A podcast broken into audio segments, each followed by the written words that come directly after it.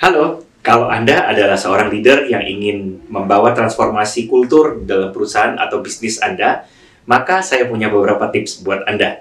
Yang pertama, pastikan Anda menjadi teladan atau Andalah yang membawa keteladanan buat kultur yang ingin Anda bentuk di dalam korporasi Anda.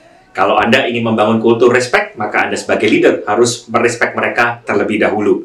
Dan yang kedua, pastikan bahwa perubahan ini terjadi bersifat habitual.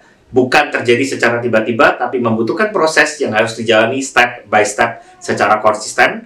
Dan yang ketiga, pastikan Anda memiliki tim kerja yang bersama-sama dapat membawa perubahan kultur ini di dalam perusahaan Anda atau bisnis Anda.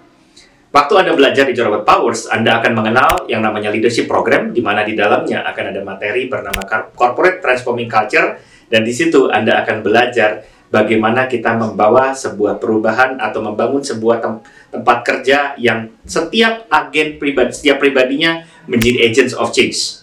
Sampai ketemu di video berikutnya, and God bless you.